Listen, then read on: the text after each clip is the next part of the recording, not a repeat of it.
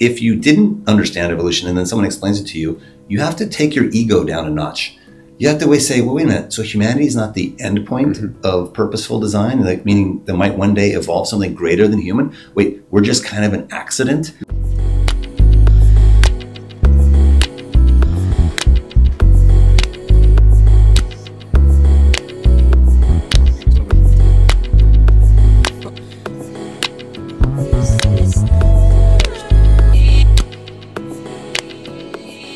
Greetings from Menlo Park, California. This is the Global Estonians podcast, and I'm your host, Rainer Sternfeld, where my goal is to create a cross section of the most remarkable people in the Estonian diaspora. And you're listening to the 20th episode. As you know, every 10th episode we make is a special in the sense that we talk to someone who is of Estonian descent yet doesn't speak the seemingly unintelligible language, or is a big friend of Estonia who is contributing to the success of our country and if you haven't listened to our previous special episode with Jenik Radon, I encourage you to do so.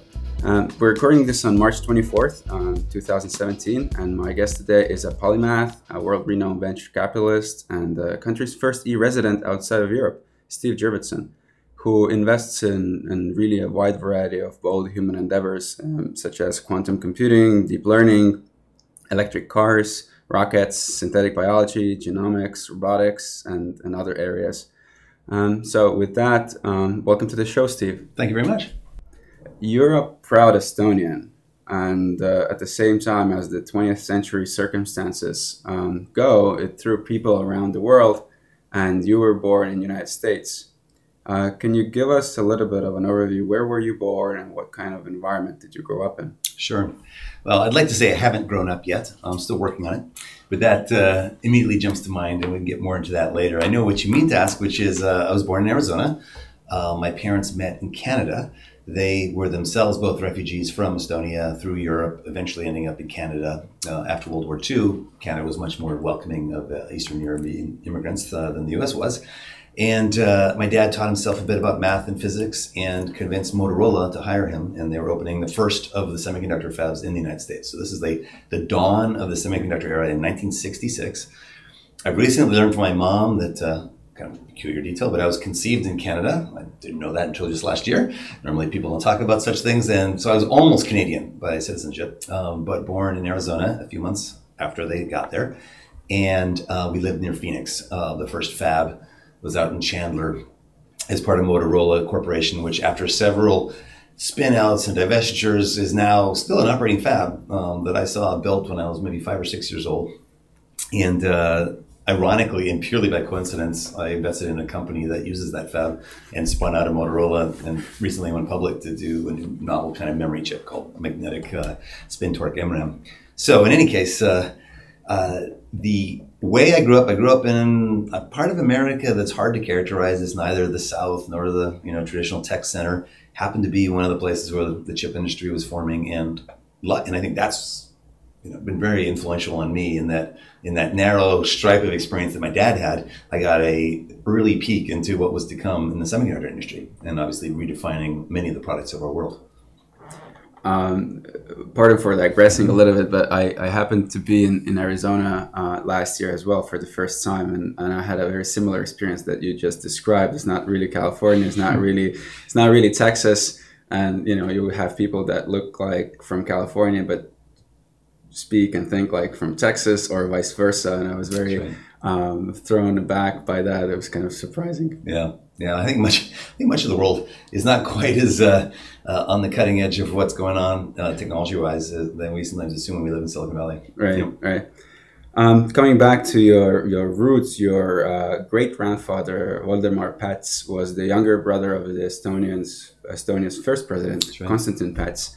Uh, how did the whole Estonian subtext um, in the family influence your upbringing? I think in some profound ways. I trace a huge part of my reservoir of self confidence and and sense of identity to my Estonian roots, and in particular to have a tie to the founding president of Estonia back, you know, coming up on the hundred year anniversary, as, as you know, um, is it was hugely motivational to me. It was both a source of feeling at some level, perhaps I'm special for no particular reason other than wow, I have connections to this incredible historical figure Um, but also a sense of poignancy in that this is a, a country that when I grew up, we just assumed would not be a country again. We didn't see a path for something as mighty as the Soviet Union to dissolve. We didn't have a read into how culture was being preserved. And you know, fast forward to the Singing Revolution film, I've come to learn more recently how the Estonians who were still in Estonia maintained culture through folk song and a variety of other, um, uh, the language itself, frankly, uh, through that dark era. But from the outside, I can tell you it was, at least our assumption, stuck out there in Arizona, that Estonia and the language and the culture was for us only experienced through those who had left, right? And so I go to Toronto frequently, see a lot of Estonians there. There'd be the Estonian days, you know, cultural celebrations and such. I went to some of those in college and to uh, some group, you know, at least once as a young child out in Toronto. My relatives, of course, are all Estonian. And so that was the locus of sort of understanding and culture. But for me, if you say, where's my homeland? Who am I? You know, I don't, I, even though I know I'm American, I feel Estonian. You know, from sort of thinking versus feeling. You say, "What's my heritage?" It's Estonia. Uh, my genetic ancestry, of course, um, as far back as we know. But which I verified, by the way, through some gene sequencing. Um, just you know, you never know. Sometimes you know, there's interlopers. You know, the Vikings come and go. You never know what may have uh, may have happened there. Um, uh, and so I don't know. I back in high school, actually, I mean, as a humorous aside, I, I totally informally, and, and maybe this will be more embarrassing than informative, uh, we formed the ELO. And at the time, the PLO was in the news, the Palestinian Liberation Organization. So the ELO was the Estonian Liberation Organization. We even had uh, mock appointees, you know, Minister of Foreign Affairs, basically my classmates at school. So we'd gather, you know, social gathering or a party, we like, you know, an ELO team meeting. And the fact that eight or nine of my classmates at this time in Texas, where I was going to high school, would even care or have heard of the former you know, now right. Soviet Republic of Estonia, uh, former country, uh, is kind of a form, an early form of evangelism, I guess you could say, keeping the flame alive. Um, when they all remember to this day. So when Estonia actually did become a free nation again, I was like in constant contact with these people, like, oh my God, it's happening. Like our time is, is now. And just to remind them that this dream has now actually come to pass. Yeah, and Toronto, as you mentioned, I, I, I, assume your parents were in Toronto. Actually, Ottawa. They got married Ottawa, in Ottawa, okay, but um, my grandparents lived in Toronto. My cousins. Yep. Yeah. Mm-hmm. yeah. So I mean, Canada has this big second wave of uh, immigrants um, from you know Estonia, sure. obviously, um, and there's a very strong sense of national identity. So I, yeah. I'm, I'm I'm not surprised at all, and it's actually very great to hear that you did something like that. ELO, by the way, was also an organization in Estonia, but it was no. not the Liberation Organization was Estonian Children's Organization, uh-huh. Eesti Laste Organisatsioon. well, I'm glad you. It was also, of course, Electric Light Orchestra. There was a band in the correct, 70s too. Correct. Yeah. So the, the abbreviation yes. trivia, um, as it goes. Uh, so uh, back back to kind of you mentioned uh, briefly that you you took interest in technology uh, already at an early age because of your uh, father's involvement in the semiconductor industry, and um, and I guess that was a natural path for you to go to Stanford uh, as well. But why particularly double E and not something else? Yeah, that's interesting. I uh, actually I just remind, reminded myself the first thing I ever bought with my allowance. You know, I earned it was back in Arizona days. I think either five or six years old. Was a chemistry book, an illustrated chemistry book. Um, which find humorous, and I do trace a lot of my curiosity about how things work to my dad. So, come out to Stanford. Um, I, mean, I knew I wanted to do engineering, and electrical engineering turned, it sort of seemed like the most comfortable path that related to things I had some prior exposure to. You know, I came into school at least knowing what a chip was, knowing that I cared, and actually, no, no, that reflect on it, the thing I had the most direct experience in was computer programming. I got an Apple II back when I was in first and seventh grade, and I quickly fell in love with the idea of programming, mainly right. at that time in the basic programming language. And I'd write uh, graphic programming uh, games, the game of Mastermind, a you know little space games, adventure text-based games. I remember filling all 48k of memory and being proud that I used all 48k uh, that I had in my machine at the time, and um, also some stuff. Actually, strangely for school, I wrote a specialized word processor that just would print out for me. Uh, I did debate, and we put everything on these little four by six cards, like physical mm-hmm. cardstock. And so something that could, where I'd enter data from a magazine article or book, it would print it in the right format, including the heading. Anyway, so I wrote all these programs. So I came into Stanford perhaps with a production for computer science, but I don't know. There was something about the idea of things, building things, understanding how they work, taking them apart. That I, I you know, funny things I didn't give it a lot of thought because you don't have to choose a major per se right off the bat. And so I, what I instead did was figure out what's the quickest way I can get through school and get some of those prerequisite classes going. So the, C, the initial CS class, the initial electrical engineering class, etc. I dove right into that and really just fell in love with the whole field. Mainly uh, focusing on computer design. So to me, it wasn't just electrical engineering in the abstract. It was how do we actually build interesting computers and, and better computers. Mm-hmm. Yeah. Um, so I'm jumping a little bit here just sure. to keep the listeners on their toes, I guess. sure. Um, I'll I'll come back to your story uh, in a second. Uh, but um, in almost every presentation you give, mm-hmm. you refer to Moore's law, and I've seen you give I don't know seven, sure. eight presentations. You always have that mm-hmm. one slide, uh, and you update it obviously as as time goes. And um, and um, I know I've read about your your your kind of college years that you were heavily into chip design and did some work in that space as well. Um, but if we come to today uh, mm-hmm. uh, for a second, can you describe what what was happening at least at the time when you were mm-hmm. um, uh, designing chips and uh, thinking about what to improve and uh, where are we now and then where are we going because sure. right now it's it's uh, a very interesting you know, time so. yeah i think we're currently in the middle of a major renaissance in how we do computation and how we actually think about engineering in general. Uh, I think it's shifting profoundly, almost as profoundly as when we first came up with the concept of the scientific method as a way to accumulate knowledge as a species over time and vet one idea versus another. Something as profound happening in the field of machine intelligence, which we can get to. But specifically about chips, I did some uh, well a moderate amount of chip design at Hewlett Packard. It wasn't at the cutting edge of computation though. It wouldn't have been the thing that Moore's law specifically would hang upon. It was specialized chips for cell phones and guidance systems and such. But it certainly gave me a peek into the actual belly of the beast of how this is done. What are the steps? And, and something I'll always remember and, and, and, value. The current fascination with Moore's law was peaked when I first read, you know, The Singularity is Near by, um, actually, no, it was. Uh, uh, not the same near, near it was his earlier book by Kurzweil, um, which will jump to me. Uh, uh, oh yeah, machines, uh, spiritual machines, age of spiritual machines, right? Especially the first few chapters, where he realized, as did a few others, but he popularized it more than anyone else, I think, that what Gordon Moore observed in the semiconductor industry, what we all call Moore's law, has nothing to do with semiconductors. It has nothing to do with CPUs. It has nothing to do with Intel most importantly. Some people get confused on that fact and think Intel holds the mantle of Moore's law. Yeah. Just because Gordon Moore started Intel with uh, co-founded Intel. Anyway, um, what fascinates me is that our humanity's capacity to compute has compounded for over 120 years and across multiple technology modes, uh, from mechanical devices to IC. So without going through that whole story that I like to go through, the main takeaway for me that's so powerful is there's I think a reflection here of a huge phenomenon even bigger than computers themselves, which is humanity's information reserve. Our um, knowledge, our learning is compounding. Uh, you could draw an analogy to the ideas in our heads, sometimes called memes, are somewhat analogous to our genes. And the idea that if you analyze a system at the genetic level or at the memetic level of ideas, and think about humans as mere vessels for code, mere vessels for ideas to propagate, it starts to create some mind bending futures. Like, might we in fact be witnessing a universal trend in how we compute, how we compound information, and what sort of the, the big picture of evolution itself is all about?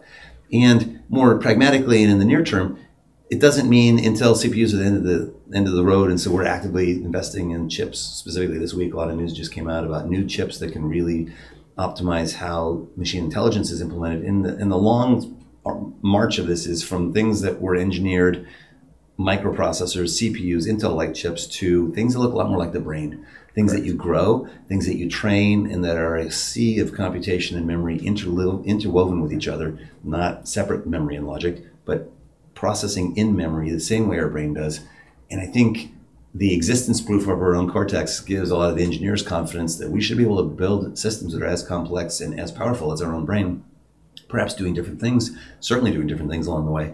Um, and why not? Like, like who's to say that wouldn't happen?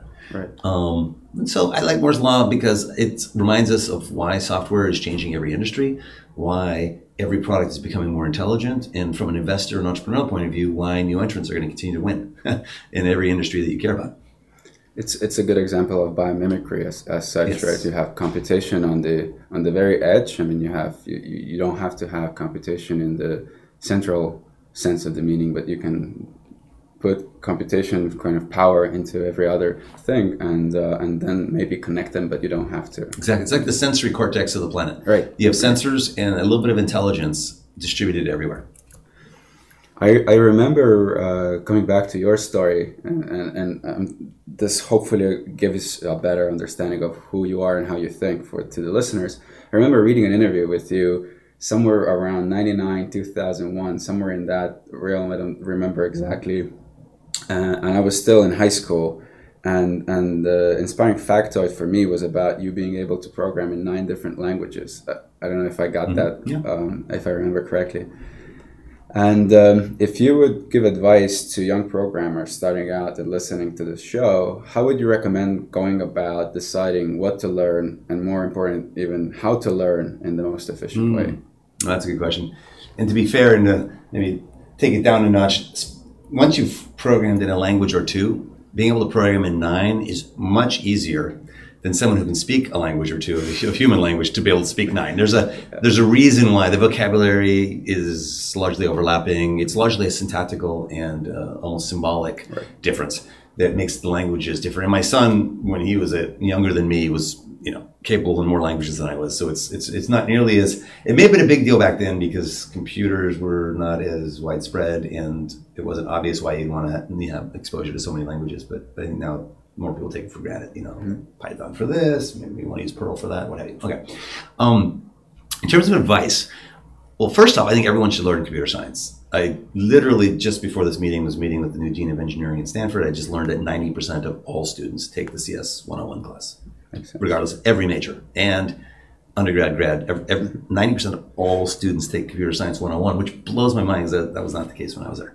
Um, so I strongly encourage that. In fact, do it, in, you know, as Estonia encourages, do it in grade school. It's really easy. It's just a fundamentally more interesting way to learn, and it's somewhat intoxicating when you're first exposed to it. I don't think anyone who's gone through any computer science exposure knows what I'm talking about. So first, do it. Do it early. Do it young. Do it often. Second would be do at least yeah a couple of different things. Don't assume that just because you've taught yourself basic, as I did, that's my first language for the first few years, that I've either seen it all, done it all, or there's not much more to learn. I think perhaps like with foreign languages, once you have another one under your belt, you realize how different they can be. But most importantly, I guess say the most important for last, I would encourage people once they've had any taste of CS to force themselves to play around with some neural networks, whatever we're going to call them in the future. You know, 20 years from now, we may have a new name beyond deep learning, uh, but deep learning is a modern incarnation of these neural networks.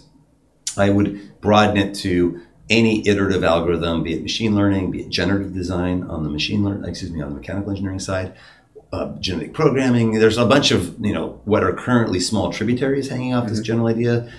The core of it is neural networks pattern on the brain. The reason I, I say this so strongly is I think it is the future of how we will increasingly engineer com- complex systems. Everything from reprogramming algae and bacteria to do our bidding, to air traffic control systems, to autonomous cars, to just about everything Google is doing today. Every single product in some way hinges on this. There is a traditional coding, of course, all around it, and probably still most of the coding is done in traditional modalities, but it will soon be where most of the computation is done in these modalities. Right? These these uh, sort of sensory cortex elements getting more and more intelligent over time, and it's so powerful and so inspirational. I think it if you don't have if, if computer science wasn't already super exciting and interesting, this makes it so. It's like wow, you see how you get from where we are today to futures that you and you can also vet what seems more likely from what seems like science fiction. Right. Like it's kind of like once you under here's a big analogy. Imagine you're a scientist of anything biological, you know, plants, animals, anthropology. Pick any field in the um, in the wetware of, of sciences, and then imagine before and after the concept of evolution enters the picture. It changes everything in the life sciences, right? And, and strangely enough, medicine was one of the last. I mean, there actually was a conference called Evolutionary Medicine, and the people that went there were a little bit fringe because the idea of Yeah. understanding evolution as it would drive medicine, strangely enough, that was the last to go. But um, but it's like that. It's understanding how can a simple algorithm iterated over billions of years or milliseconds, depending on yeah. your point of view, accumulate complexity in a way that transcends human understanding. And I think that is what the future of engineering will increasingly be about. There are probably some cultural um, and human aspects why people don't immediately jump to like connecting evolutionary and medicine and things like well, that. Well, it's the same reason people, when they first hear revolution, like literally reject it because if you didn't understand evolution and then someone explains it to you, you have to take your ego down a notch. You have to always say, well, wait a minute. So humanity is not the end point mm-hmm. of purposeful design, like meaning that might one day evolve something greater than human. Wait, we're just kind of an accident. Mm-hmm. Um, in fact, the individual is just a vessel for genes. These are all very um, big blows to the ego. The, the, oh, I mean, yeah. Think about the deep religious tradition of Earth's in the center of the universe, everything revolves around us, and it's all about humanity, right? Like, mm, you know, I think our circle of empathy is expanding as we realize we're but a piece of a grander. Oh yeah, I mean, right? there's a there's a very big delusion of significance here. exactly. So this is the sort of CS equivalent. Okay. And you'll and you'll see some definite tension. Also because it's very hard to um, interleave these these types of developments. So if you have a traditional engineering software team building, well, I don't know, user interface and who knows what, and then you have this other part that's trying to improve on some core element of the product. You know, other than like the external interface, you can't integrate the modalities. You can't like for example, you can't grow a neural network that does facial recognition, then hand it over to an engineering team that does anything other than drop it in as a module right? They can't go in and tweak anything. They can't reverse engineer it. They don't understand anything of its inner workings and might get uncomfortable that it might have bugs or unpredictable behavior, and it probably does. Yeah. Uh, and so there's a, definitely a sort of fast, cheap, and out of control leap of faith you have to make, and in integrating it into both society and into engineering teams is is not easy. So back to your original question, double underline that is you know it's almost like if you could diversify your cognitive you know plate add this if you don't already have it, and it'll make you think in very interesting ways. It'll give you a perceptual prism for the world, maybe the future of what your job's going to be about, and at a minimum, make it less spooky when you see other people doing it. Um, I, I want to dig into um, what really influenced your thinking, and and um, and uh, for context, I mean, right before I came to Silicon Valley, it was just about uh, three days ago. It was five years when I first mm. landed. Welcome and uh, a friend of mine gave me this advice that um, you don't break up with people, you break up with structures. Mm-hmm. I was leaving my, leaving my corporate job and, and like things like that. And so this this advice uh, has been one of the best advice in my life, and um, and and in your life, uh, based on that question uh, that you don't break up with people, you break up with structures. That who have been the people that have been uh, the biggest influence on your thinking, um, apart from your parents, uh, yeah. who you already mentioned? There's a lot. Um, before I answer, though, I, I, do want to comment on your opening because I was struck by hearing that too. I never actually heard that before, mm-hmm. uh, what you just said. And it strikes me as very true and very wise. So, for example, I recently, in fact, I'm still in the final throes of going through a divorce. That's a classic example. It changes the relationship, it doesn't end it. Um, um, and um, it also occurs to me there's some wisdom there in not thinking about business as a transactional kind of thing, taking advantage of someone, making the most of a transaction versus thinking there may be a lifelong set of interactions, both immediate and at a distance. And so, for example, the way in which we turn down entrepreneurs will have a larger numerical impact on what people think of us as a firm than the ones we accept right? By just ratios of so you know being more thoughtful of how you say no in our business, where we unfortunately have to say more no many more times than we say yes, and we can't change that. Uh, maybe more important. You know, we could say we do an okay job saying yes. It's more important how do we say no. So, and also I've realized, um, for example, here's another wisdom that comes out of that statement you made. Uh, some of the companies that I, well, the company I most regret not investing in is not because it itself was the best investment I could have made. It was pretty darn good, PayPal uh, it's the alumni network of all the other companies that came afterward that I would that I would have possibly seen at the right time to invest, etc. You know, the sort of PayPal mafia, as it's called, allusions to the future Estonian mafia. We can come back to um, that. Often, good people join um, missions. Uh, I saw this at Next. I saw it at General Magic and at Apple. Some of the best and the brightest. So whether or not the company succeeds or fails, that structure comes and goes, the, the diffuse elements of those people um, can tee up a career of opportunity if you play it right. So, anyway, I think it was a wise question. I would encourage people to dwell on it in their own lives. Um, but then you pivoted to okay, well, who's had the most influence on me? And there's, there's a bunch. So back in the early days, you know, when I applied to undergrad, I listed my dad and Steve Jobs. So even though I'd never met Steve Jobs, he was deeply inspirational, uh, and I made a point of eventually working for him. Um, but that came many, many years later uh, that I got such an opportunity, and it was just a summer job. But still, um, you know, sort of childhood hero, influential indirectly. And then there's people who have influenced me purposefully, like mentors, like this guy George Kogan I worked with at Bain. Still, I always think is throughout my career the one that comes closest to a mentor, someone who I was mapped to him for three and a half years. He purposefully helped me in so many ways, um, and mature in business contexts and, and what have you, um, and mature in the good way. I don't want to be too mature, so mature where I need to be. Um, and then there's people like Tim Draper who took me under his wing. Uh, he was the single, the original founder of the firm that I'm at, DFJ, um, and believing in someone new, not holding them back, creating a meritocracy, really set the foundational structures for my ability to succeed here, to be able to you know run with opportunity as it presented itself, but also to think about building an organization over time that will right. welcome new talent and cognitive diversity over time, which I think is super important. It's not just all about sometimes you have a cult of the CEO, they just want to hire people like themselves. And I think that makes for a very brittle, frankly, ineffective organization versus either a dynamic duo starting a company or someone who realizes I want all my vice presidents, let's say, to be very different from myself. Either way, if it starts off that way, I think it unpacks into a much richer and robust organization at the organization level, sort of the wisdom of crowds level. Um, so I have to really turn to him for that structural setup in ways that he may or may not have been conscious of. I think he intuitively understood this the way it should be done, but not maybe all the ways it would unpack. Mm-hmm. But then not necessarily for like, oh, and I mimicked his investment style. I mean, if anything, I think I'm very different in the way I analytically look at things than, than he was. And it took me a while to realize, oh yeah, he's very different from John, John Fisher. And from, like we're all three completely different in how we look at opportunities, but then therein lied the strength of the team. Yeah. Right.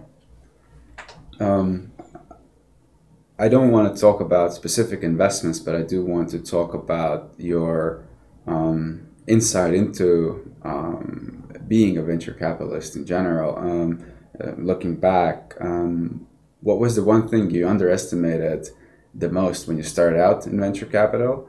And um, as a kind of a follow up to that question as well, as what do you still see both beginners and veterans mm-hmm. do um, that is sort of a waste of time?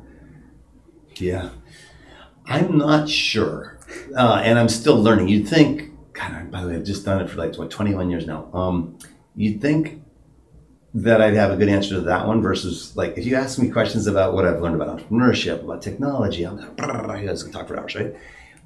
It's the first thing is I maybe I should say I've spent so little time thinking about our business, the venture capital business yeah. itself, partially because it's just not that interesting to me. Ironically, I, I, I count it as one of my blessings that I don't have to think about it. I don't have to put a pitch deck together to explain why venture capital is or isn't an interesting thing, you know, and then why are we or not an interesting firm to invest into our investment? Like, luckily, I have partners who enjoy doing that and take that on because it's just not, frankly, I don't learn that much from that. Mm-hmm. Um, but I will say that maybe that relates to that I've been kind of blind for the first year on a whole possible level of analysis. That is the team. Like, and I only recently, like in the last few years, have come to think, you know, many of my best investments had some common elements around trusting a junior member, junior to myself, junior member of the team, and their passion. Or weirdly, lately, I've been thinking the passion of the entrepreneur pitching me.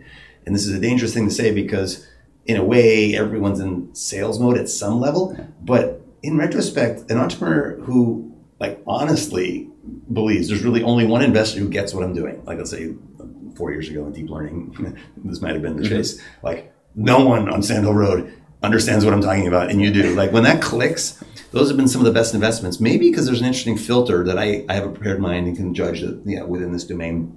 I really like what I see. But B, it's almost like turning to the entrepreneur as the filter for is this meant for me, which is kind of a weird inversion of logic.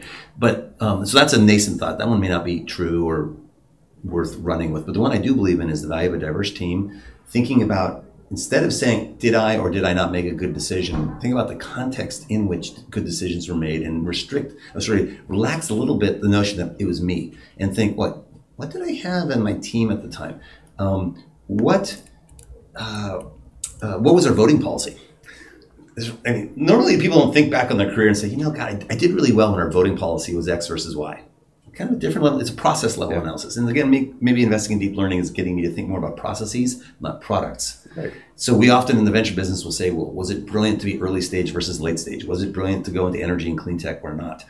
You know, those are product decisions of sort, not what are our interview questions? What are our voting policies? How big is the team? Those are more like process. Anyway, and Steve Jobs was all about process, interestingly, more so than product. Product, he just viscerally there's a whole well, well that'll be digression. Product so is, then product is yeah. the product of process.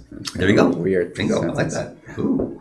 Wait, did you just make that up? Yeah, I just. Oh, that's that. good. I like that. I like that. The three P's we'll call it. Um, so mistakes. Well, given that background, mistakes I see being made all around me, especially new entrants, is to assume, well, I should do what's proven to work. Right? I'll come in and be a uh, enterprise SaaS and you know consumer mobile social local like whatever the heck right the sheep behavior right yeah. it's like it's so insanely um, prevalent that some people snicker about it, others just practitioner. They they, ref, they refer to others for a sense of um, validation. They'll either only co-invest or only invest when someone else has. Uh, we see this all the time. At least I do. When I try to, I by the way, try to invest in each and every time in a company or idea that's unlike anything I've ever seen before. And I love saying that because and reminding myself of that because by definition, I can't rely on other people's opinions mm-hmm. because then that's almost like a tautology. It wouldn't be mm-hmm. like there can't be a market research report on the category yet. There, you know, it's presumably, if anything, an area of proven failure, like you know, aerospace and automotive before Tesla and SpaceX, right? So that's what makes those a little bit easier for me to um, feel comfortable. In fact, more comfortable investing in those kinds of companies than others. So.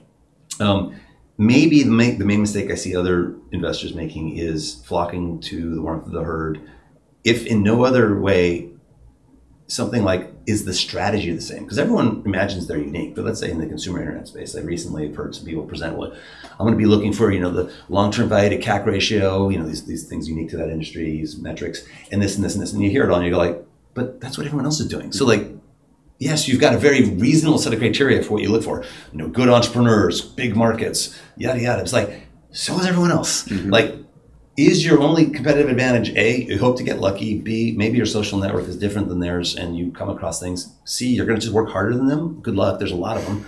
And if even if you are right on any one of those, is that going to last for a decade? So I see hmm. way too many brittle strategies that make perfect sense for a year or two, but you would never imagine they'd last for 10 years. And maybe maybe they're just short timers. I don't know. Maybe they're not actually thinking of a 10 year career yeah, not all companies are meant to, for being high growth startups. Mm-hmm. You know, so that's what people uh, kind of mistake make mistakes about. Uh, can we de- uh, let's sure. dive in uh, on on that? Yes, not on the operational level, but on an even more higher level, uh, a little bit um, on on machine intelligence and and everything that surrounds that. Uh, and I want to bring it to like a human level and understanding of the future, um, where and where is the human's role in the future, as we mm-hmm. discussed earlier about the delusion of significance in a way. Um, so to prevent social unrest and ensure ensuring a prosperity for future generations or livelihood, let's say this way, even. Um, how do you think about the debate of AI governance? Um, and then practical philosophy that will definitely be a major topic here in uh, during the 21st century and and and then preserving human dignity. Yeah. So there were a lot of for me provocative elements in that question. Mm-hmm. meaning provoking me to want to respond to each and every one of the statements that led to the conclusion of AI governance maybe is, is one of many implications. And, and so I may downplay that a bit and emphasize the branching out of implications from where you started, which is around notions of technologies powerful like AI, perhaps restructuring what it means to be human and also what it means for groups of humans to live together in harmony. So I think one of the big elephants in the room that when I first started wondering about this, I don't know how many years ago it was, maybe seven or eight years ago. I have to go back and look. A little before the word inequality was in the press, a little before there was a um, you know, like Occupy Wall Wall Street or any of these kind of popularizations of some notion of inequality before some of the books and others have come out on this economic um, um, situation. I, actually, I remember what the, the kickoff for me was. It was a very provocative thing that Peter Thiel once said that I totally disagree with, by the way, is that Moore's Law has been dead for 35 years. And I'm like, what, what the hell do you mean by that? Right? I was given our prior conversation. And his point was that median wages in the U.S. had been stagnant for 35 years, and therefore, if there had been all these great, you know, advances and efficiencies from technology in general, where is it? We don't see it in the economics metric, if you will. And I immediately thought, my God, that is like so, so wrong. And in the moment, I'm like, you know, how about globalization? How about the mean versus the median and the ever accelerating wage poor gap, right? Like if you have a, you know, the average can easily stay the same while you have this massive boom of wealth for ever shrinking percentage of people. And that just seemed like so obvious. Like to jump to the conclusion that Moore's law is a lie seemed like the last and least likely explanation for the data. So I got caught up in my own arguments with him for several months on that front. With and but then finally it sunk in that that's a very provocative piece of data if I just ignore Peter Thiel's interpretation of it. It's like, what is this all about? Because right. he had hit upon something that wasn't yet in the popular sentiment. And so I it sort of clicked for me that there are power laws in income. There are power laws, meaning something that looks like yeah. an exponential, in the number of companies that succeed in information age businesses. So there's a Google, and hmm, geez, we don't really care about Yahoo or anyone else or Bing, frankly, that much. And even if we care about the top three or four, we don't care about 30 search companies in America. We don't care about 300. And so as businesses increasingly become information centric and global, it tends to be a winner take all dynamic. We we in the investment business look for network effects. We came up with the word viral marketing and all kinds of tricks and techniques that allow anyone with a lead to take advantage of a network economy mm-hmm. effectively to become the one dominant supplier, the best supplier, the lowest cost supplier. And that's easier in information business than any other. It's almost like a natural um, effect. And then I couple that with the notion I strongly believe that every business becomes an information business over time, just different rates of speed. And we're in the middle of that for healthcare. We obviously datacom and telecom went through that with Skype and other technologies that are now information computer centric businesses it radically restructures them. And my worry then is what does the world look like if this just continues? And where AI comes in is it starts to take some jobs people actually claim they like. What, what do I mean by that? So when a robot takes a manufacturing job away, the typical line manufacturing right. job in Foxconn or in most um, um, places where robots can take manufacturing jobs away, the person doing the job does not enjoy the job. They do not wish that job for their children. That's the way to test. Like, would you want your kid doing your job? They say no, regardless of how much defense, you know, cognitive defenses they put up about, you know, feeling good about building America, whatever it is. Like, no, they actually hate their job, um, and they don't wish it upon anyone. Um, and so you have the hollowing out of the manufacturing base partially because of that. So first, the robots took the jobs that were robotic, that were quote inhumane, and increasingly, some of these proto AIs will take jobs that that really do take a bit of human judgment and what have you. And I think we're going to start to see the pace. And my point of all is the pace of disruption is growing. The pace of dislocation, where you might need to go quote go back to school. Luckily, there's right. online education. So, um, the worries around AI, I think, should center on concentration of power. So I think OpenAI is spot on to say let's look to Google in particular right. and say, should one company be that powerful? Who's number two? Right. Do we care about number three? Is there even a number four? Especially in a technology that powerful. And let's start a little earlier to democratize and you know get more people on this bandwagon. And I think if you think of that example writ large, now step back and think, how about for like technology in general? Right. And think about parts of the world that feel really disenfranchised. They don't understand the modern technologies of the day. One of the options is to opt out of modernity, to just reject math and science, to maybe say there's only one book you only need to read in your life, and find a different uh, source of worth and identity in a world that increasingly is estranged and foreign, and they feel like they can never keep up. That's a really scary world mm-hmm. where we have this bifurcation of technology haves and those who are around them and technology have nots and who are left to tourism and agriculture, and frankly, in the agricultural sense, a really bad form of agriculture, really ineffective agriculture. Yeah. Um, I really worry about that bifurcation. I worry about the cultural or normative accelerants in certain pockets, be it at the city level, the nation level, or individual level, frankly, where if you feel like you can't keep up or understand the world you live in, you fall farther behind much more rapidly than ever before. Because I think increasing percentage of the economy we care about will be globalized and information centric, and yeah, Yeah. right. Yeah, I mean, from from pure an, an engineering standpoint, you know, most big problems in the world have solutions. It's mostly about our own ego or our, our own uh, greed or fear or you know whatever it may be that um, and you know political boundaries and the legacy that surrounds that. So um, and, and that was my actually the root of my question is that with all this change and with all these solutions that we kind of see sitting here and it's easy to understand because we live and breathe and, and think about it. Um, the popular sentiment uh, is that you know what about us? Where where are we in this picture? And are we going to be left behind? Are we going to be eating dirt, so to speak? And um, and so in the in the light of all this, you know, we probably will have to think about change management in social structures, Oh, yeah. economic structures, and and you know one of the questions that I have I have had in the recent months is that it was actually kind of an idea that what what if that was um, uh, another interesting series of podcasts that I should start sometimes in the future if if if there's any time.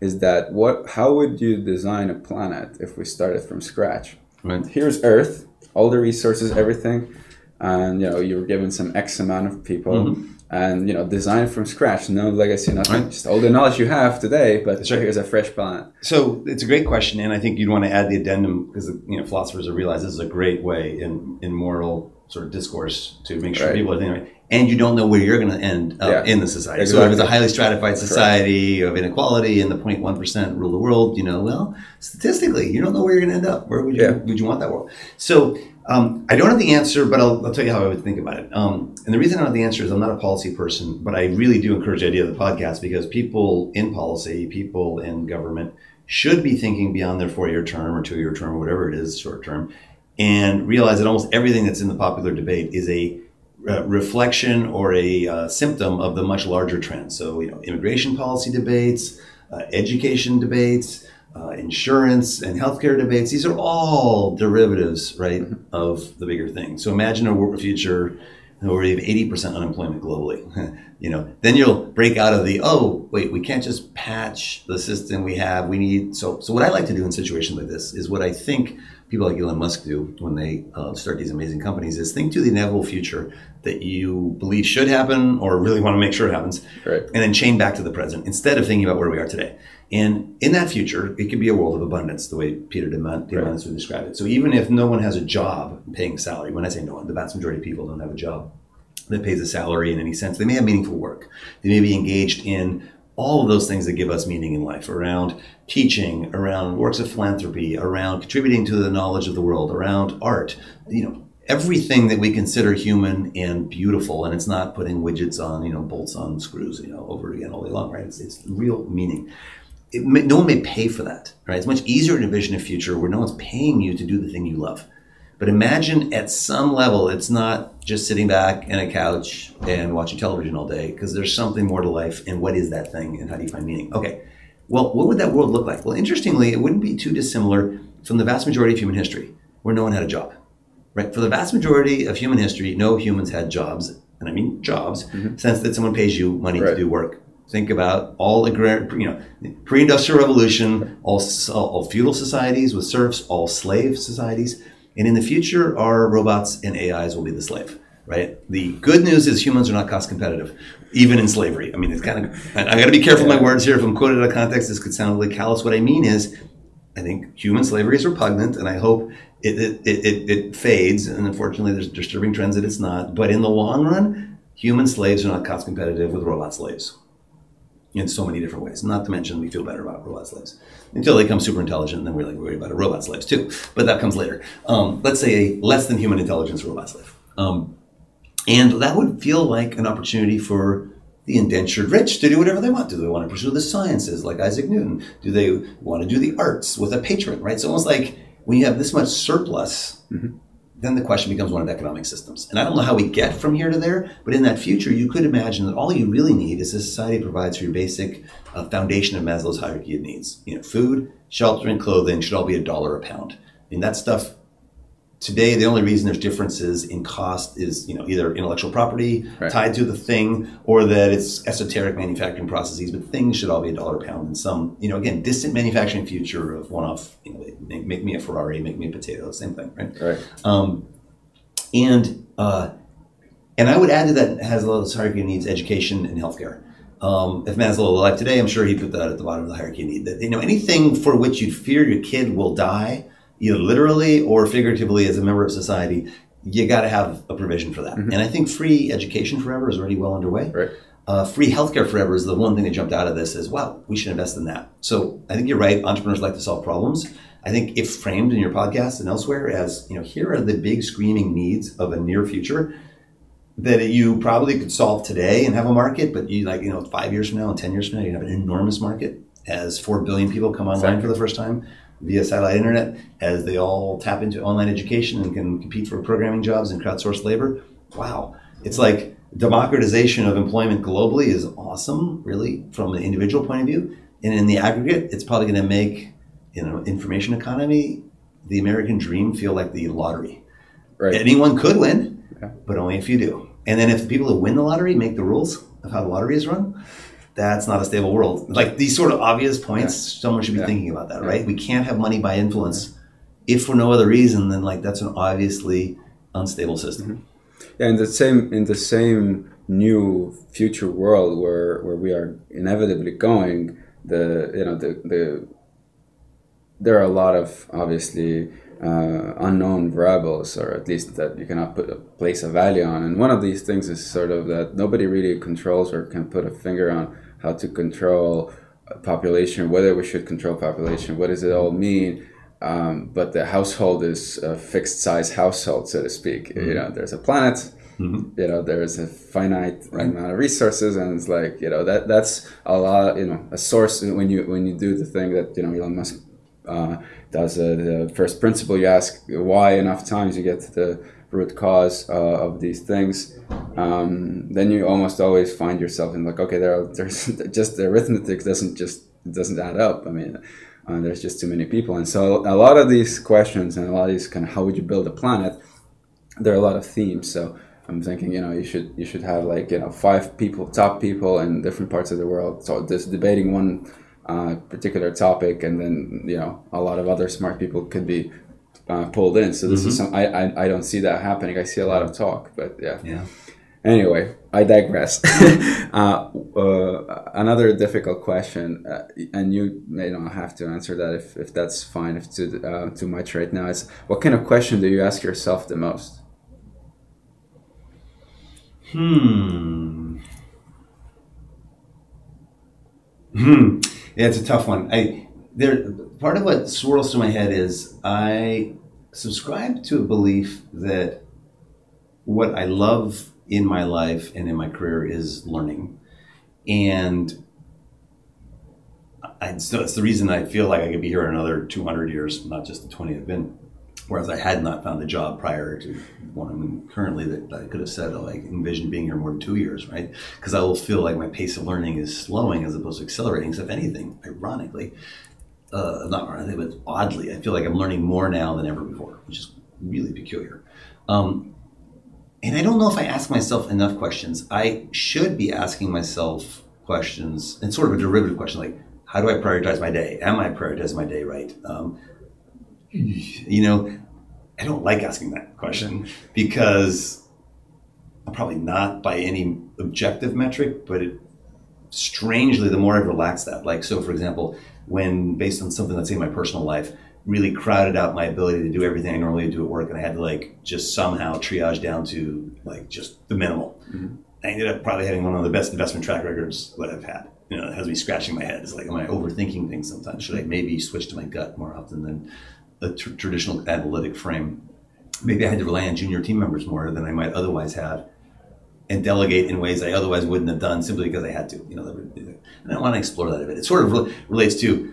I almost see Elon Musk doing a better job being a CEO of two companies because Right. he's on two companies and he can say no to stuff because, like, how could anyone expect to have 100% market share of his time, right? Because he's got two companies. So he can actually prioritize without fear and without um, uh, criticism. Right. Right. So imagine he didn't. I mean, uh, imagine he didn't show up to the holiday party for one of his companies. Like for a normal CEO with one company, he's like, how could you not come to our holiday? exactly, It's yeah. kind of weird. Like, Yeah. like, what's more important than this? Like, but no, no, in his case, in fact, he, the, the, the Tesla IPO was pushed out by a week because there was a SpaceX launch. I mean, what company CEO is like, sorry, bankers, Goldman Sachs can't go public this week. Yeah. Got to put it off because I got something more important to do than go public. Exactly. Got to put a rocket Yeah, to space. That's right. This one can wait till next week. The launch has got to happen today. Exactly, yeah. Right, anyway, so Um, so as a as a think back to what que- I, I should ask myself more questions. I think I have been for many years not very introspective, not very um, uh, I, I, on the emotional domain, for example. I would just avoid uh, like the concept of quiet, meditative thought about myself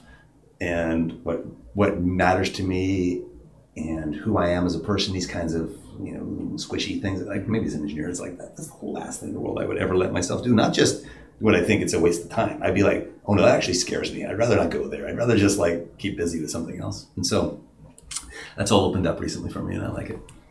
And uh, maybe a last question of this particular section is uh, name a few books, you know, two, three books or more if you Sure. wish, uh, that have influenced your thinking the most. Yeah. Um, the first one that jumps to mind is uh, Kevin Kelly's Out of Control. This was, I think, in the 80s that I read it. Maybe 90s. I feel. It came out, maybe 90s. Whenever it came out, I read it. He was a, a founding managing editor of uh, Wired. He's does he's, he's one of several authors like Matt Ridley and a bunch of others who do a really good job synthesizing, but yet understanding the important trends in what might otherwise be a complex uh, thing. And he was the first to open my eyes to the biological metaphor. You mentioned biomimicry. Um, and Janine Benyus's book with that title is also pretty good in that regard. But, but for me, it was Kevin Kelly's book. And it, it really has elements. I mean, he saw the future long before it was just a little ahead of its time. So when the book first came out, a lot of these ideas of a collective intelligence, of a group of people outperforming the individual, and and and how we might change how engineering is done, everything that I've been prattling on about, you can mm-hmm. see the precursors in there. In a sense, predicting something like the internet. So what's fascinating as an update, though, this book has in the last couple of years become wildly popular in China. When he goes to China, people recognize him by face and by name, like all over. So interestingly, this little time capsule got translated to Chinese or Mandarin, I don't know which, and, and like it's all the rage over there because the time is now for his ideas. Right. It was a little ahead of its time. Just like my neural network research project in the 80s was ahead of its time. Okay, another one. Um, I, I got to mention Ray Kurzweil's um, um, Age of Spiritual Machines in particular, really the first half of the book, um, because what I find most interesting is his description of what is and what has been. And yes, the transition to what will come is great, but he goes way deep in that book on what he thinks will come, like uploading our brains to computers, which I actually don't think is likely. And that can throw the reader off, or at least threw me off. But if I strip away whether he, in fact, is predicting exactly what will come from that framework, I think the framework itself can allow all of us to do that. And that's something, as you know, that I've used ever since. Um, I liked all the Matt Ridley books I've read again in that same genre, um, and also all the Kevin Kelly books I've read. So Kevin Kelly has many other more recent books, you know, about the inevitable, which is pretty good, and on um, the, economy and all this. So I, I recommend even Simple Rules for a New Economy or New Rules for a New Economy. I think it's called. All these books are great. Same for all the Matt Ridley books that I've read. Um, but his one genome was uh, was that as well, sort of, and as well as Juan Enriquez's "As the Future Catches You," which is like the shortest book I think I've ever read, um, and has a lot of bang for the buck. But a lot of the data is probably out of date by now. But it really sort of woke me up to the genomics revolution, and a lot about synthetic biology investments that followed from that. Um, obviously, Escher Bach, going back, you know, Hofstadter's, you know, seminal work was inspirational, but not as much as out of control. I mean, I think it's sort of, I can see how it was a foundational work in that regard about, and I've been fascinated about ants and social insects ever since. But but somehow the way Kevin Kelly uh, maybe made it more abstract. He brought it to the software domain a bit more than Hofstadter did. Um, then, well, I don't know. I enjoy every once in a while. I enjoy a good sci-fi that gets you thinking. I'm currently reading Rob Reid's forthcoming book um, all about AI. I highly recommend it. I'm most of the way through it, but um, I think it's going to be called. He had to change the name. I think it's going to be called After On after, After on. So after the uh, intelligence, the AI comes Right. sentient. Um, a fascinating book about how it emerges on social networks and the collective human activity. It's, it's brilliant. Um, but I also like Neal Stephenson, you know, Snow Crash and, and, and Diamond Age and foundational works like that in, in the sci-fi genre. I think a good sci-fi book, by the way, is a almost feels like future history, uh, and in some cases near future history, like oh wow, understanding what we have as capabilities today, this thing is just around the corner. And so some good ones might explore like human societies and what changes, let's say, in an era of extreme inequality, and some of the dystopian books take that approach. But you know, back in the old Arthur Clarke tradition of predicting GPS and predicting capabilities that should exist once you understand the physics of it, um, those are the best sci-fi. Because in our job, that's what I should Yeah. be doing a bit of, sort of future history. Yeah. There's definitely a new. Uh, there's enough substance now in the real world to write about sci-fi well again. I mean, it's, Oh yeah. So in like Rob Reid's book today, because like, I, I, it's spooky actually. Almost everything he described as a core technology is something I'm personally invested in. So literally the D-Wave quantum computer, literally the deep learning harnesses and some of the chips that accelerate that. Obviously the social network, you know, overlay that we take for granted and what would motivate collective human behavior in certain ways. You could just see it, and it, it is such a small leap of thinking Mhm. when you stitch these together to realize, whoa, this world could go very unusual very quickly. Yeah. I I know we're pressed for time, Yep. uh, so uh, let's jump to the. Let's j- jump back to Estonia Sure. uh, for a second uh, here, and not, not even for a second, maybe a few few questions. When I think about you and I think about Estonia, and, and just as a as a, a segue from the previous to the Estonian kind of segment, is we, we cannot uh, go um, without talking about Skype. Obviously, uh, for the record, in general, um, Skype put Estonia's technology on the world map. Um, uh, I probably wouldn't have been here if it weren't for Skype. Hmm. Probably, but you know, you never know. Uh, how did you connect, get connected to the Skype opportunity, and uh, and what um, convinced you to get involved? Sure. The second question is easier than the first. I wish that the answer to the first of how we got connected was because of my deep Estonian roots and I took advantage of it and what an awesome connection to highlight, but that wasn't the case, unfortunately. It was um, the the um, the proactive enthusiasm and interest of my partner Tim Draper, who, but it wasn't for, maybe for what you would think. He is quite a contrarian, and so when Napster was getting completely beat up but not yet killed, it was sort of in the press every day as this huge disaster. He wanted to invest in as many things like Napster as he could find. So he actually did invest in Morpheus, which became a competitive, and he was trying to find Kazaa.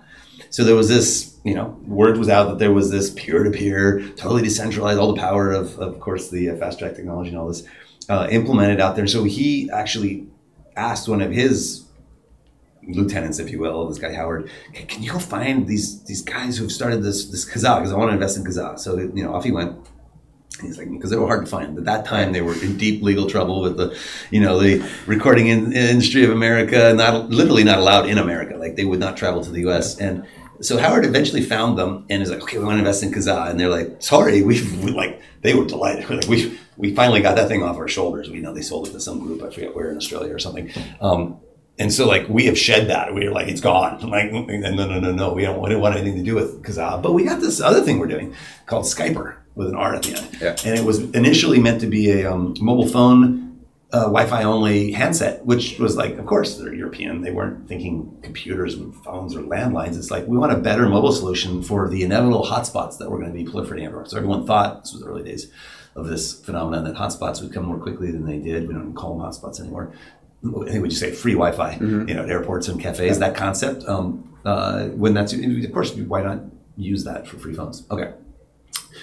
So we did not, as a firm, invest at that point because, for a variety of reasons, we don't like mass consumer hardware, like you know, sub one thousand dollar or sub five hundred dollar price point things. Are generally, I think, a horrible investment area. And if you want to invest for the long term, so by the way, that would end up dissing, you know, Jawbone and GoPro and every cell phone company and every pen-based computing company and all of them. I think are going to, mm-hmm. you know, if you, if you had to hold on for twenty years, you wish you hadn't. Uh, same for Nest, same for Dropcam, same for everything. So anyway, well, with that digression, you can just understand a really strong point of view that do not want to invest in a handset company, but kind of like PayPal actually, in prototyping the software, it worked really well on you know prototypes and desktops and employees talking to their family back home. And this is the folklore of how the transition occurred, at least as I heard it. It's like, wow, this this works pretty well. Like, you know, this could be kind of useful even before we have a handset. Let's let's start you know, at least testing and deploying Yeah. at this level. And then um, that was good because Tim, when we turned it down as a firm, invested personally, which meant just yeah, actually his grandfather invest his father. So his father invested personally. Um, Bill. Actually, Bill Draper. Yeah, exactly. And so we knew when the time was right and that the pivot had occurred to a software centric thing. And there was like some early data that, sure enough, it was viral, like Hotmail. And we had the, I, certainly, and Tim as well, had a prepared mind for what these kind of communication products can do when they spread over the internet without friction. We knew it could take off like wildfire. And so we led that first venture round. I negotiated it myself, actually, because of Tim's family connection. He needed to recuse himself from the negotiation. I remember exactly where I was. I, wanted, I was at a ski vacation with my kids. It was December, right around Christmas time. And, uh, and uh, yeah, I mean, we were competing against uh, Benchmark and Accel. Actually, I remember for that first round. Um, and at the time, it was the highest valuation we ever paid um, for uh, Series A. Anyway, um, so that's how we got involved. The insight and reason why I thought is, is we had been and continue to uh, in, during that time period, and really get excited about things that could spread virally, that were communications products mapped to the internet, that restructured how humans communicate in various ways. And um, so we loved it. I thought it made perfect sense. And so I went to you know all the board meetings that took place. I think all of them uh, in Tubman, um, but then some of the other ones were elsewhere because Tim was the actual board member. I was an enthusiastic, you know, Go Estonia uh, second on that one. yeah. When someone asks, "What is Estonia like?" How do you respond? Oh, it's actually I was just asked recently by two people traveling there, asking for tourism advice and, and all this. So so if I say what it's like, I, to me on the business side, it feels like a nation of, full of immigrants. Uh, which in, in, in, summary, meaning this sense uh, that I feel when I meet a um, immigrant or an entrepreneur, uh, sort of synonymous.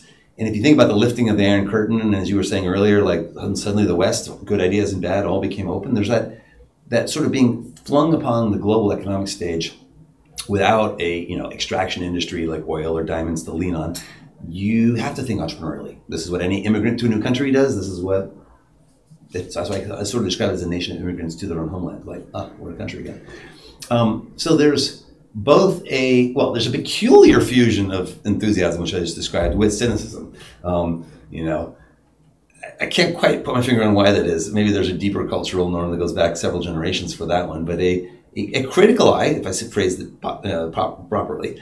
But um, so both this interesting fusion of, of, of um, opportunity seeking yet critical thinking, if you will, which lends well, I think, to be engineering mindset and the scientific mindset.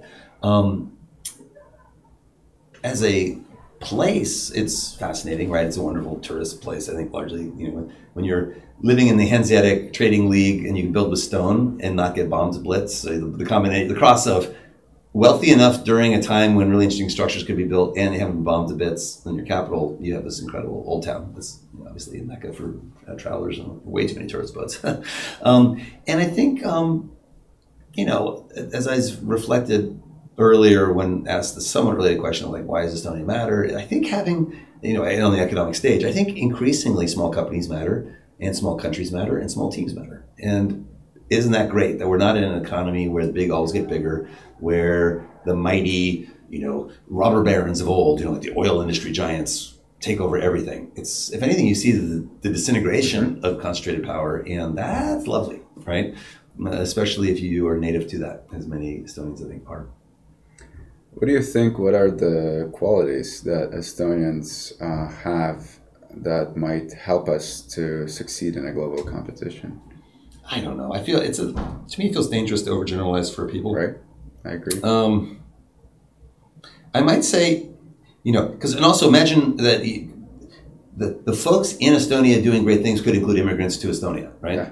And and so it would be dangerous to put too much thinking on a personality type that you think maps to what you know yeah. cultural heritage. So I think, but there's still nevertheless elements of culture that ripple through, and this notion of having been a conquered nation, of of finding one's own freedom peacefully. I think if one explores that in a thoughtful way, there may be really interesting metaphors of how a culture then can ripple outwards. And this notion that Skype was emblematic of that we can look outward, that we, like some countries just say, oh, let's just do whatever. It's agriculture, it's something, tourism, it's whatever. And that's like, that's all we are is inward looking. And our people and our history is like, you know, like, I don't know, let's protect French culture forever and, you know, screw the rest of the world. I mean, that's the over exaggeration, of course, of the French, but there's some places where it's all about us and, you know, and here I think there's something about looking outward. I don't know if it's the old Viking tradition of exploring. I don't know where it comes from, but having the world as your circle of empathy is, I think, an interesting mindset.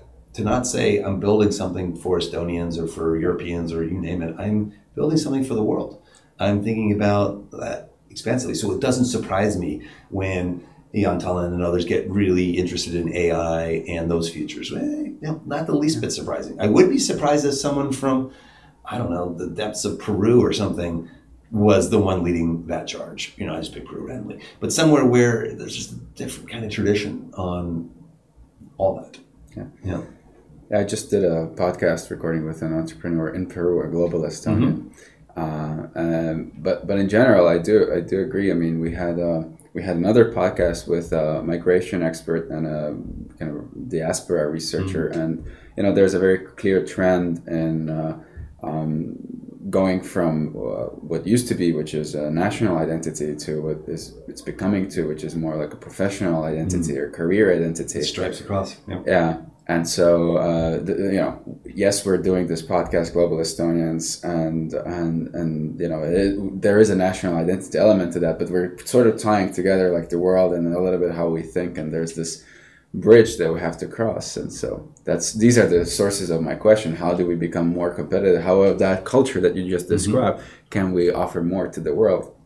And then what can we learn from the world as well? I don't know. Maybe you have you know, from your experience with Estonian entrepreneurs or Skype or, or uh, other Estonians around the world that you have met, do you think that we have some sort of, um, if it's possible to generalize, with some sort of a skill or behavior that we could improve to become more competitive?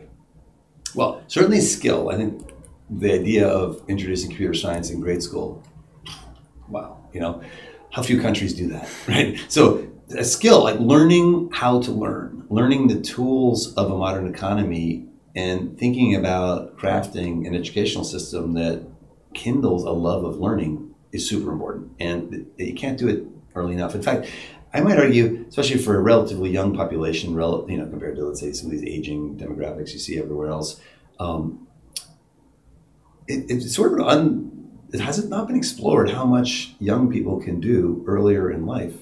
You know, we've always assumed. Yet, like imagine, let's say in the medical field, at what age would you be able to invent a new medical device? Well, pre-internet, you shoot, you had to get through med school before you even have access to the medical library Right. to learn and to know what to read to understand any unsolved problem and actually solve it. And now you have, you know, people in 14, 15 years old via the internet and some personal motivation, like a friend who had a peculiar disease or a family member who passed from something.